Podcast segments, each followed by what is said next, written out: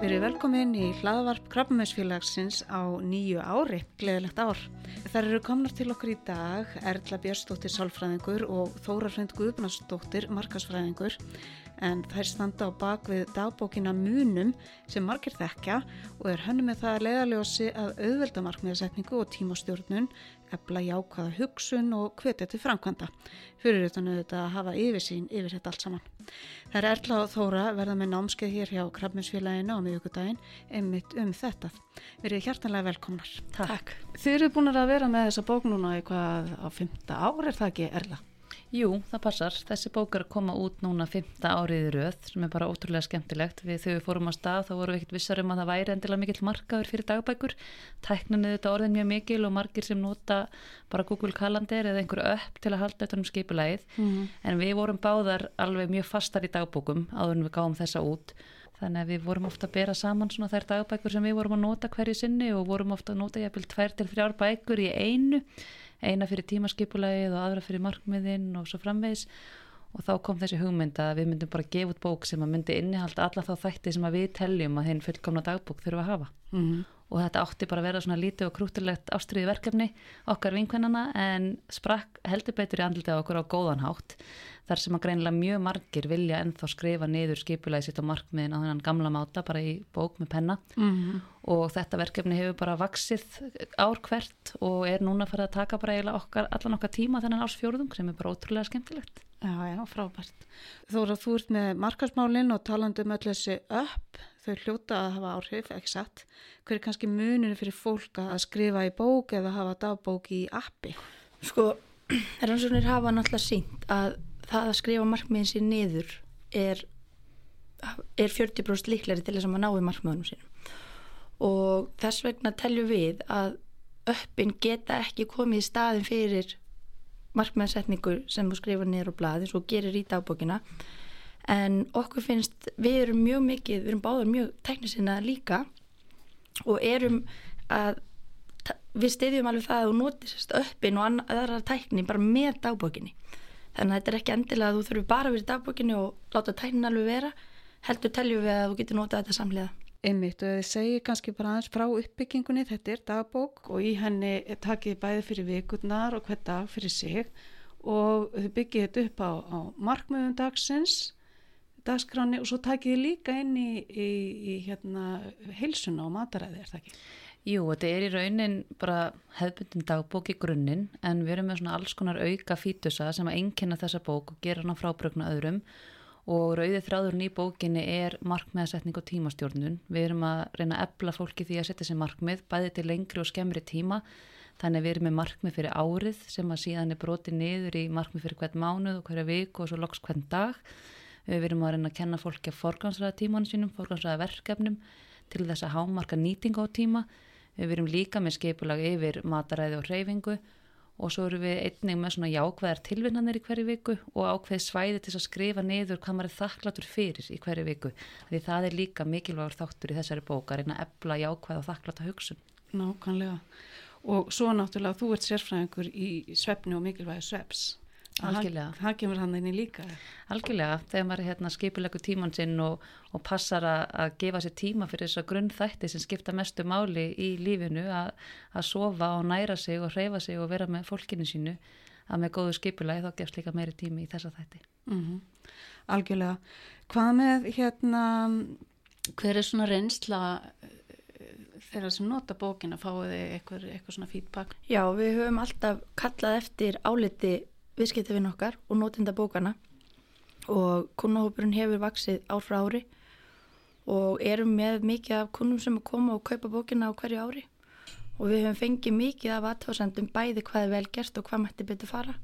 Og við höfum á hverju einasta ári alltaf tekið okkur þess að þetta til, sagt, til greina og gert eitthvað breytingar á bókinni. Mm -hmm.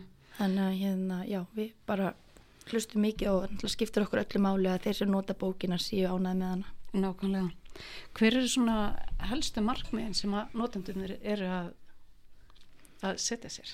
Sko þau eru held ég bara ja, uh, misjöfn og þeir eru margir. Við erum með um, tíðust mann sem að nota bókin okkar hvert einasta ár og erum þetta ótrúlega þakkláttar fyrir það og það er mjög gaman, við erum mikið með námskeið og vinnustofur þar sem við erum að hitta fólk og kenna fólki að nýta bókina og sitta sér markmið fyrir, fyrir árið og fara svona aðeins dýbra í þessa vinnu og þar sér maður hvað þetta er ótrúlega fjölbreyttur hópur sem eru þetta rosalega gaman, fólk er með mjög mismunandi markmið og hópurinn samanstendur af fólki á öllum aldri og, og hérna úr öllum geirum samfélagsins. Þannig að það er mjög skemmtilegt að, að sjá það þannig að þetta er rosalega fjölbreyttur kunahópur mm -hmm. Núna er þetta náttúrulega áramótin þegar ma maður byrjar að nota nýja dagbók og þá er fólk með áramóta heitin hvað er svona líklegt að, að hérna, líklegt til árangurs? Að markmið gangi upp og Það eru náttúrulega ákveðin skrif sem að liggja á bakvið farsalla markmiðasetningar. En það er náttúrulega í fyrsta legi að átt að sjá sem mikilvægt að er að hafa markmið. Og oft finnst fólki þetta orð bara vera svona, svona þetta er bara svona yfirgrifsmikið orð og fólk hræðist ofta að setja þessi markmið, ég vil alltaf setja þessi markmið í vinnunni en gleymir að setja þessi markmið í persónulega lífinu. Og það er ekki síðu mikilvægt heldur en að setja þessi markmið í vinnu af því að hérna, ef að við höfum ekki markmið þá má segja kannski að við höfum ekki stefnu eða eða svona stjórn á okkar eigin lífi. Og með því að setja okkur markmið þá erum við að taka ákveðinu stjórn á eigin lífi. Mm -hmm. og við förum yfir það í upphafi bókar við förum yfir svona átta mikilvæg skref sem er gott að hafa huga í markmiðasetningu.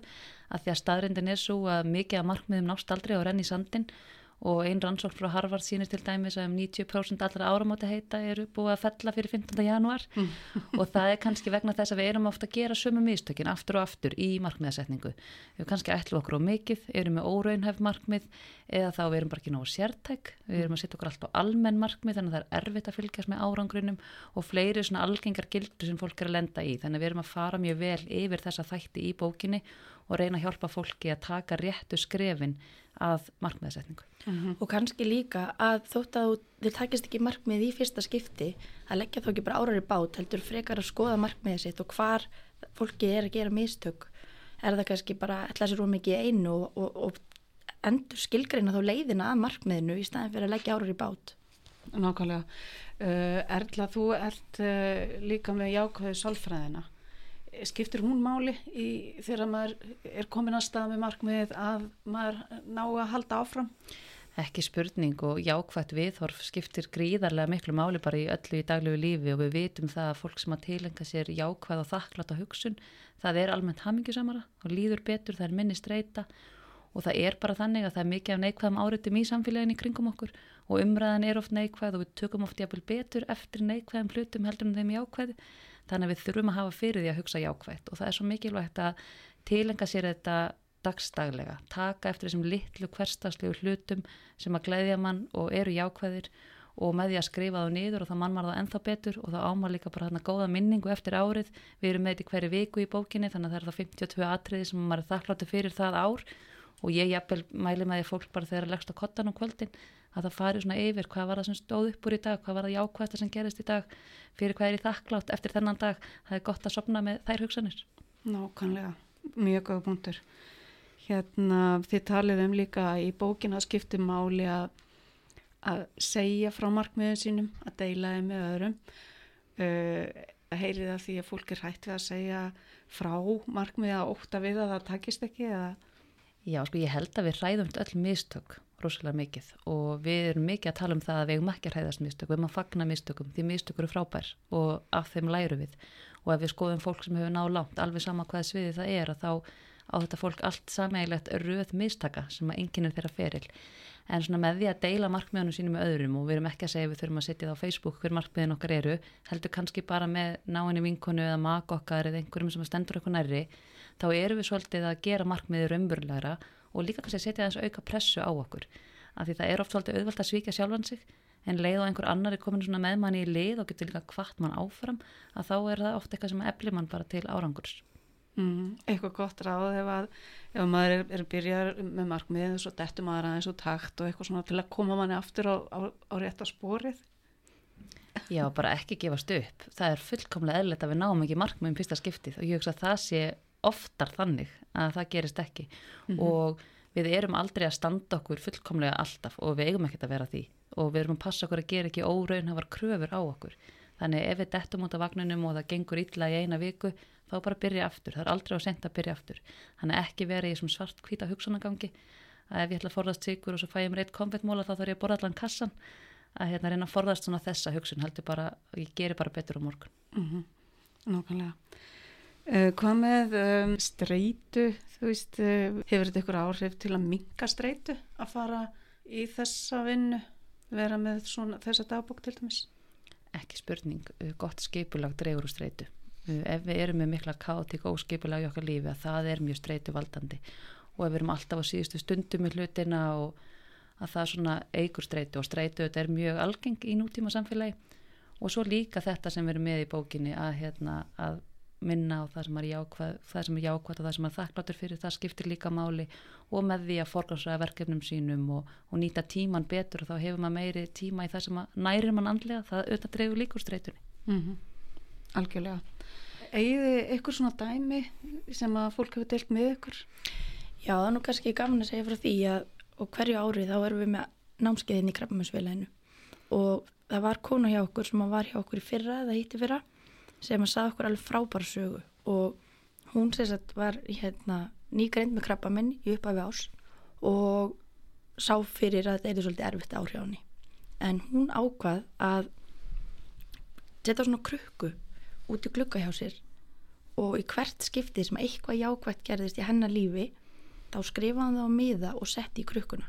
Mm og svo sá hún miðunum fjölga yfir árið og svo í loka ásins þá settist hún niður með sjálfur sér og opnaði krukkuna og las alla miðana. -hmm. og þarna ef hún hefði kannski ekki gert þetta þá hefði hún hort tilbaka og kannski hort á að þetta væri versta ár í hennar lífi. Þarna hugsaði hún, herri, já, vá, það var bara fullt af frábærum hlutum sem gerðist á þessu ári. Og fekk svona þessa áminningu að, að þótt að maður sé kannski gangi í gegnum erfiða tíma hvað þetta getur gert rosalega mikið fyrir maður þetta hugafar og, og horfa í ákvæðu og, og góðu hlutina Algjörlega frá, frábær leið Mhm. og einmitt það er, það er svo auðvelt að gleyma þessu góða og einhvern veginn og líta svo yfir farin veg og já, og, já þetta er frábær leið. mm -hmm. Þið eru með námskeið hérna öru kvoru og það er núna námskeið á, á hérna. Já. Uh, hvað, hvað takkið fyrir? Herru, þá erum við svolítið að fara uh, í gegnum bókin okkar og hvernig hún nýtist sem verkfæri í markmiðasetningu og við förum mun dýbra í markmiðasetningu og svona æfingar til að efla þakkláta hugsun og svona íta manni aðeins út fyrir örgisringin sinn. Og þetta er alltaf ótrúlega skemmtilegt námskeið, maður er að gera svona skemmtilegar æfingar og við erum með fræðslu inn á milli og bara myndast alltaf alveg svona sérstök stemming á þessum námskeiðum, þannig við erum að reyna bara svona að efla fólk og veita því innblástur inn í árið til þess að gera 2020 bara eins frábæri árið og maður getur. Nákvæmlega. Eru allir á ykkar heimili sem að nota bókina og vinir og hvernig er það? Já, það er svona, menninir okkar eru báðir í tæknigeirunum og svolítið tæknivættir en við erum alltaf að reyna að íta bókinni að þeim og þeir nota hana nú alveg einhvern nátt og kannski ekki jafn mikið og við og svo er ég með úlinga sem eru farin að nota bókina líka þannig að það er bara ótrúlega gaman og er að setja sér markmið og annað sko. Það er gott að byrja bara að efla þetta strax í börnum með þau eru ung. Já, nákvæmlega, nákvæmlega. En þeir nota bókina sko hérna, til að setja sér markmið þótt þeir séu kannski með skipulagi sitt svolítið í kalendarinu en þá erum við báðar sem sagt, við höfum markmið að fundi alltaf uppafi ás með mönnunum okkar þar sem við skrifum niður markmiðið fyrir árið og hvað okkur langar að gera sem fjölskylda og svo framvegs sem er líka mjög bara skemmtileg stund þótt að notið dagbókin ekki í, á hverjum degi fyrir skipulag þá er fullt af þáttum sem þú getur notað hana í líka Mm -hmm. eins og með matabók, dagbókina með markmiðsetninguna, þakkláttu hugsununa bucketlistan uh, uppgjör fyrir árið og svo fle- fleira sem, sem er í bókinni Þið gefið út tíu spækur og hvað ákveður byrjuði? Hvað? fyrsta upplæðið okkar var 3000 bækur og við heldum við varum gjössanlega brjálæðar og vorum að fara rosa út fyrir okkar örgisring að gefa út bókina. En svo bara var rosalega óvænt og hún var uppselt á fjórum dögum. Og þá fórum við í annað prent og að því að þá fyrsta ári prentuðum við hann á Íslandi og prentuðum út aðra 3000 bækur og hún seldist upp á viku. Þannig að setna árið þá fórum við í hvað 8000 Já, þetta hefur svona verið að aukast ár frá ári og við erum alltaf að ná að selja allar bækunar okkar, við erum reynda að komna núna líka á erlendanmarka, erum að reyna fyrir okkur þar sem er mjög skemmtilegt. Hvað eru þið? Uh, við erum á netinu í netverslun en svo erum við í bókaverslunum í hérna, Íslandi og Lettlandi og erum alveg orðnarsvöldi stórar þar sem er skemmtilegt, við erum komið með svona íslenska áhrifavalda sem er að tala um bókin okkar. Svo erum við í Breitlandi Já, Breitlandi og svo erum við komin inn í Danmörku líka og í Skandinavíu, þannig að þetta er svona bara er að aukast ár frá árið þessi erlendimarkaður, hann er auðvitað stór og það, þarf mikla vinnu til að koma sér áfram þar. Algjörlega, en þið byrjið bara að hún selst upp á, á fjórundugum fyrst hvaða hérna töfra markasleiðir voru þar að verðum? Það var bara ótrúlega sko, kannski líka bara smá hefni að því við vorum bara fyrsta svona íslenska dagbókin sem að var að leggja ásla þess að þetta, við vorum kannski bara svona með hérna öðruvísi vöru og það voru auðvitað fleiri sem að höfðu áhuga á slíkri vöru og við urðum sem sagt svolítið hefnar að þýlitunum til að fólk var að auðvisa, þú veist, kefti bókina og var að posta samfélagsmiðla og án þess að við komum neitt nálætti sko. og þetta náði svona smá svona væral áhrifum sko, sem að gera það verkum að hérna, bókin seldist bara upp á örfám dögum mm -hmm. Já, og það gekk upp hafði ekkert ekkert alltaf vel að koma inn í alla vestlanir og svona en svo leið og þá sást svo vel hún seldi að þá vildu allir selja hana sem var mjög skemmtilegt sko þannig að þetta, þetta kom okkur mjög skemmtilega óvart og hérna og markaðurinn greiðilega bara miklu stærri en okkur það er grunað af fólki sem nýtir, nýtir sér svona bók. Já, og núna er það annulönd utan Íslands. Uh, hvað eru þið að gefa nú út í stóru upplægi í heldina? Við erum með minna upplægarlendis heldur en á Íslandi ennþá. Mm. Þannig að við erum að, með svona helming af þeim bókum sem við erum að selja í Íslandi úti en það er samt að aukast og það auðvitað getur gerst mjög hratt ef hún fer á flug þar og við sjáum það alveg að við byrjum í fyrra erlendis og það er mikil vöxtur bara strax núna þetta árið þannig að það getur orðið verið fljótt að fara yfir Íslandi ef það heldur svona áfram. Mm -hmm. Og við erum í samninga verið með mitt við, eða svona við erum komin mjög langt í samtali við stærstu hérna, bókaútgefundur í Breitlandi, mm -hmm. eða bókabóðakæðju og ef að það myndi takast, það er alltaf ekki marg með okkur á þessu ári. Ég held að. Þá, hérna, þá myndi það vera mjög, mjög mikil áhrif. Einmitt, er já, þá er það ykkar markmið. Hver eru þau fyrir þetta? Þau eru mjög mörg. Við hérna, það er svona listi upphafi bókarinnar sem er svona ákveðin bökketlisti, 100 atrið sem maður vil gera á næfinir öll og, og við nýtum þetta yfirleitt fyrir 100 atrið sem við viljum gera á árinu en það eru líka mjög smáir hlutir, þetta er ekkit endur allt stórmarkmið en hérna við ætlum til dæmis báður að lappa kvarnandalsnúk mm -hmm. núni í vor, það er eitt af svona þessum stóru markmið með um hverju að gera það áður e, ég ætla ekki út barnabók um svepp, það er eitt markmið sem ég hef og, og fleira sko. Nú er það komið út Nú er það komið út, ég er að segja að þér er í fyrsta skipti. og Þóra? Já, ég hérna ætla að leggja áherslu á hérna líkamlega hilsu. Ég átti barni fyrra og er svona komið mér á staðbæði reyfingu og hérna ætla að taka mig álíka sko í að drekka meira vatn. Ég er alveg, núna er minn, eins og ég segi, með hérna síman, nota ég hann samlega markmiðarsetningun í bókinni og fæ alltaf áminningu á hverjum degi, bara mun að drekka vatn fæ það alveg nokkur svona við daginn þannig ég sé að ná, svona ná þessu markmiði sem ég er með. Nákvæmlega, þarna kom rafræni þátturinn Já, þannig að við notum hann og við erum með alls konar leiðir í tímastjórnum sem við erum líka að reyna að efla hjá fólki og þá erum við líka að nota upp samhliða. Já, einmitt. Þannig að hérna, það er rosa gott að nota tæknina og líka og, og líka skrifa niður. Já, er, er það ekki líka bara eitthvað með það að nota penna og skrifa nota hendina til að skrifa niður sem að gerir upplifunum öðruvísi. Jú, það er einmitt þetta eins og þú voru að benda á þann, sko, rannsóknir sína það, sko, ef þú með markmið og þú skrifar það á blað, þó þú takir blaðið og bara krumpar því að hendir því, þá ertu strax orðin 40% líklar að ná þessu markmiði heldur en þú skrifar það ekki. Og það er einhvern veginn hlutir verða raunverulegir þegar maður skrifar það niður. Og þetta er bara mjög þekkt í sálfræði meðferð, við notum þetta mikið sem verkfæri að láta fólk skrifa niður hugsanir, skrifa niður tilfinningar, það er einhvern veginn alltaf öðruvis að takast á því að þetta er komið á blað. Þannig ég held að sé bara sama með markmiði þau lifna við þegar við skrifum þið nefnir. Er líka eins og þegar maður var í skóla ef maður ætlaði nú að gera eitthvað svindl með það. Það er miðanir sem að, eða upplýsingarnir sem að skrifa þann miða sem maður þurft aldrei að kíkja á. Þannig að það er það sem maður myndi best. Þetta er bara þessi tengingu í hugan Já, að skrifa. Já, góða punktur. Þarbjörn, það er námskeið hérna krabbmeðsfélaginu og hérna það er ennþá laus eh, plásið það ekki? Ég held það, jú. Já og við sjáum ykkur vonandi bara oftar á árunnu gangi ykkur vel og kæra þakki fyrir komuna. Takk fyrir. Ráður